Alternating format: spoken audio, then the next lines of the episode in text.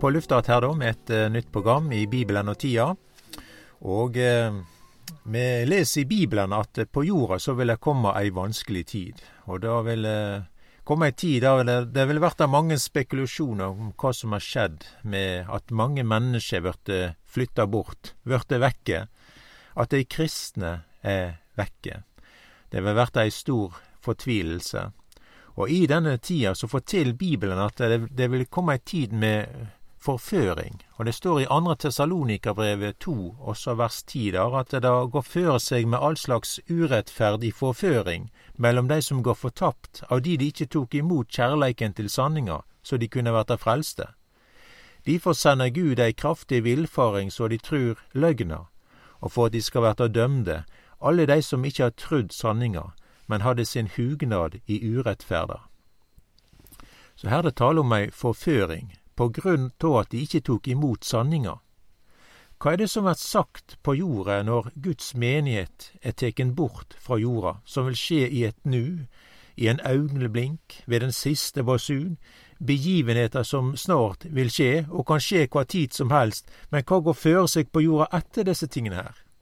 Og New Age forteller i sine skrifter at de kristne er teken bort til en annen dimensjon for å være mottagelige for den nye verdensorden. Og New Age, det er vanskelig å, å, å si med få enkle ord hva det er for noe. Men eh, de har tatt høgde for at det er en bortrykkelse av de kristne, og de har da gjeve denne forklaringa, da. Og da et døme på ei sånn villfaring. New Age det har noe med politikk å gjøre. Og det er noe som har med religion å gjøre. Og vi finner innenfor veldig ulike fagfelt. Det kan være helse, det kan være miljøtiltak. Og når det gjelder helse, så skjer det inne på, flere områder, da. Blant annet med healing. Eh, dette går da på helbredelse. En, eh, her, her mener da New Age at eh, hvert menneske har sjølv ei helbredende kraft. Derfor er denne healinga noe som skjer i gruppe, eh, og på denne måten så kanaliserer en helbredende krefter i et større fellesskap eller mindre fellesskap. Og det kan òg være via enkeltmennesket. Eh, la meg nevne politikk. Når det da gjelder, kan du si, konflikter så, så går ikke New Age ut med våpen og eksplosiver, men her skal det brukes dialog. Og en løser konflikter med dialog. Og vi må jo si at det er jo noe av det beste. Men det som ligger i kortet her, er en grunn til en tankevekker.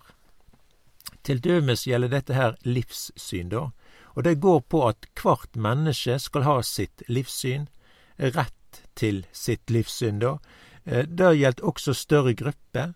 Eh, det har sammenheng med at mennesket hører med til den samme åndelige virkelighet. Og det har noe med at det er det samme hva du tror på. Alt er like bra, sant og rett. Og, og med denne forståinga, da, så er det også et eh, aksept for hverandre. Resept for eh, Eller respekt for hverandre, da. Og i praksis så innebærer dette her da at det er det samme hva du ber til og en kan ha bønnemøte i lag og andre samlinger i lag, på tvers av ulike livssyn. Det er dette som er dialogen og, eh, og eh, komme i, i, eh, i sammen sånn. Det innebærer et ansvar for hverandre, et globalt ansvar. Dette med fred, toleranse, dialog. Og i denne praksisen så tar en da og, og viser også ansvar for jorda, naturen, New Age det er en sånn brubygger mellom religioner, vitenskap og konflikter og livssyn og sjølutvikling, og det skal fremme kjærlighet og fred og toleranse og glede. Og når vi da sier disse tingene her, så har en egentlig sagt veldig mye. Samtidig så er en på en måte like langt i forståinga hva New Age er. Men dette med sjølvutvikling, det går på at mennesket går inn i seg sjøl. Vi har noe som heter yoga, og det handler om å få fram, eller finne energi, energien som en har i seg sjøl. Og, og det handler egentlig om at mennesket åpner seg opp for det som er rundt en, sånn at det skal komme inn. Det skal komme eh, i i enhet med jorda og verden, og det handler om en harmoni med seg sjøl og det skapte. Mennesket er guder, og derfor er dette her med å søke inn i seg sjøl. Og da gjelder også helbredelse, så er mennesket sjøl som har den helbredende kraften. Vi sier kanskje da av og til at mennesket er gode på bunnen, og jeg er litt i tvil om akkurat det, for vi ser nyhetsbildet hver eneste dag, så er det ikke mye tegn på betring. Menneskeheten er jo mange tusen år gamle, en skulle jo tro da at en hadde blitt bedre etter hvert, over tid, med å søke da innover seg sjøl, for å bruke New Age sine framgangsmåter her, da, for å få kontakt med den energien som har den utløsende helbredende kraften både for seg sjøl og sine omgivelser. Men det er ikke mye tegn til betring. Når vi da leser disse tingene og hører ting fra New Age her, og fra denne fronten her, da, denne sjølfokuseringa, sjølvutviklinga, som en her da ligger vekt på. En søker da inn over seg sjøl. Eh, at det er mennesket sjøl som har den helbredende krafta, så minner det meg litt om hva kristne, vi som kristne sier sjølv også. For det har vært sagt på den måten da at eh, ja, kristne som er sjuke da, en må tru.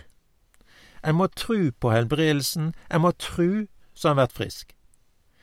Jeg tror at en må være varsom med å si det på den måten da, for det fører den sjuke inn i seg sjølv, på leiting etter tru, og en, da går en i feil retning. En må ikke søse inn over seg sjølv, men en må gå mot Jesus. Dersom en ser på seg sjøl, så blir en bare deprimert. Men ser du på Jesus, så blir du inspirert. Jeg tror at en må være varsom, og veldig varsom med å si at en må tru. Ja, det står jo da i Bibelen at en skal tru på Jesus. Men, men eh, trua, det er ikke noe vi finner i oss sjølve på noen måte. Men Bibelen forteller at trua det er noe som kjem det er egentlig ut fra ei gave, det er noe som kjem. Og det står her da i Romerbrevet kapittel 10 og vers 17, så kjem da trua av forkynninga som en høyrer, og forkynninga som en høyrer, kjem ved Kristi ord. Det er ingen helbredende kraft ved å vende blikket inn mot seg sjølv og tru. Men skal eg få tru, så er det noe som må komme til meg. Eg har ikkje tru, Trua den må koma, og da må den komme ved Kristi ord, leser vi her. Evangeliet har da denne helbredende krafta innover mitt liv. Det gjelder mine tanker, det gjelder min situasjon, det gjelder min sjel, mitt hjerte, det gjelder mine valg. Det gjelder mine holdninger. Jeg finner ikke god moral i meg sjøl. Jeg finner ingen helbredende virkning i meg sjøl. Mine tanker, det er mørke. Og hvordan skal jeg da leve i forhold til meg sjøl og mine mennesker, og òg i forhold til Gud, om jeg skal leite da på en måte ting inni meg sjøl? Og her er det egentlig mange viktige spørsmål, og Bibelen forteller trua kjem av forkynninga, og forkynninga som en høyrer, kjem ved Kristi ord. Derfor er Bibelen viktig. Og du kan ta dette da med politikken i dag, da. Da ser du akkurat det samme. I dag er det noe som heter Den nye verdensorden. Og det, det er da innenfor New Age, og det handler om at verdenslederne det samles på tvers av politiske ståsteder, på tvers av religion, og for å samles og for å løse verdens utfordringer med dialog, respekt, og alt skal da være en sånn brubygging mellom livssyn og politikk. Og I utgangspunktet så høres dette både viktig og rett ut, men det mangler en dimensjon og et perspektiv. Og det er Jesus, det er Gud, det er Bibelens Gud. Og det er underlig å sjå når verdenslederne samles. Det kan være på såkalte G8-møter, eller det skjer i FNs regi. Jeg har ikke hørt at de har bønnemøte, at de ber til Gud, ber til Israels Gud. Denne dimensjonen er vekke, og det er det som er urovekkende her. Vi ser mer og mer politikk uten Gud. Vi ser at vi får en religion uten Jesus. Og dette ser vi også mange ganger i Bibelen. Det er mennesker som bygger samfunn uten Gud, og har den dimensjonen med seg. Det er en nasjon uten Gud. Og det, og det skaper utrygghet i hverdagen. Det vert ikkje mindre politi i gatene om mennesket skal søke inn over seg sjølv. Mennesket, eller Bibelen, den gir oss et døme på disse tingene her, eh, som vi da nevner for hverandre her, da. Og da er det for første Mosebok, kapittel fire. Og her er det da eh, her er det da, det, Dette der er jo det første kapittelet og det som skjer etter at Adam og Eva måtte gå ut av Edens hage. De måtte gå ut på grunn av ulydighet. Hva er det da som skjer?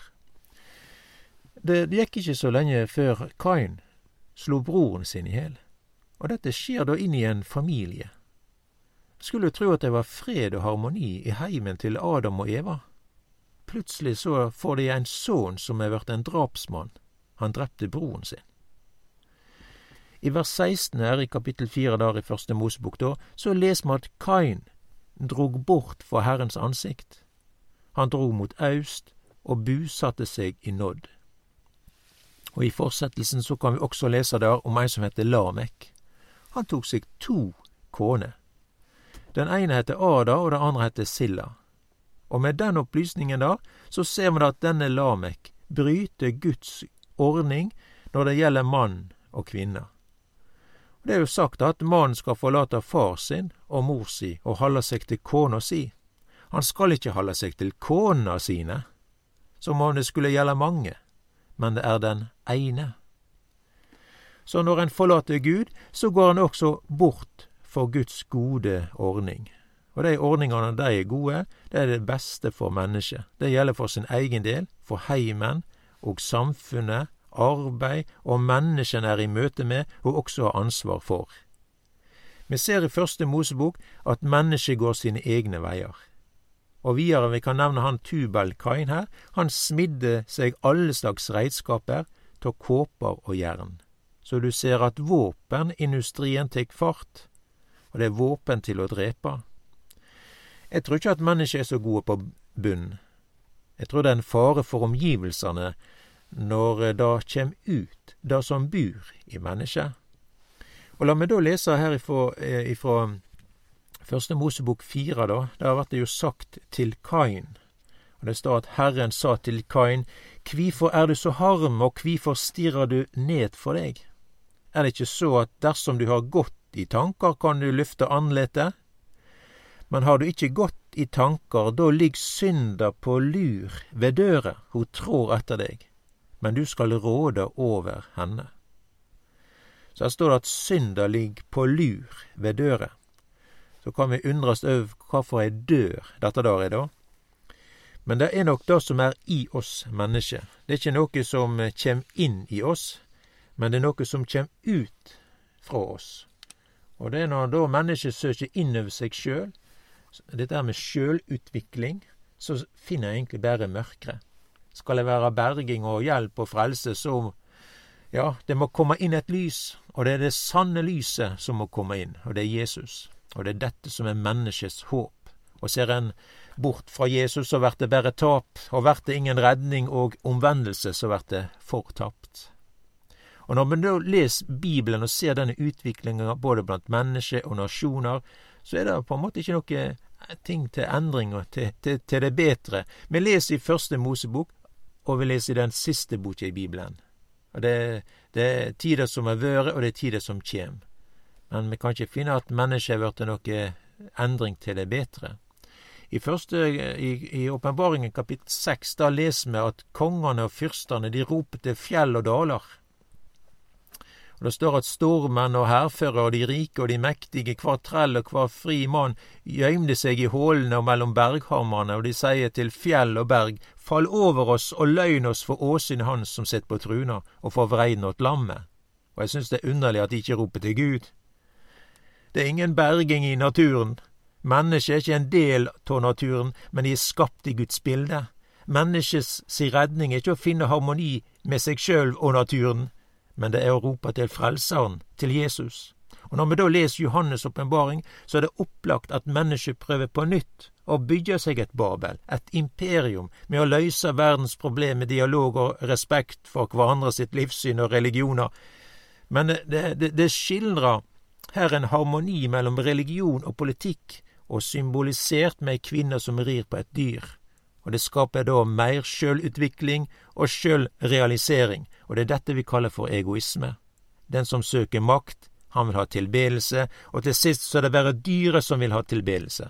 Antikrist er det som en ønsker, at en skal tilbe Han som Gud. Og dette er et veldig drama som Bibelen skildrer. Men det som er saken her, det er at det, er Jesus som er det sanne håpet. Det er Jesus som er menighetens sanne håp. Og det er det salige håpet, det er bortrykkelsen til Guds menighet. Jesus kjem snart igjen.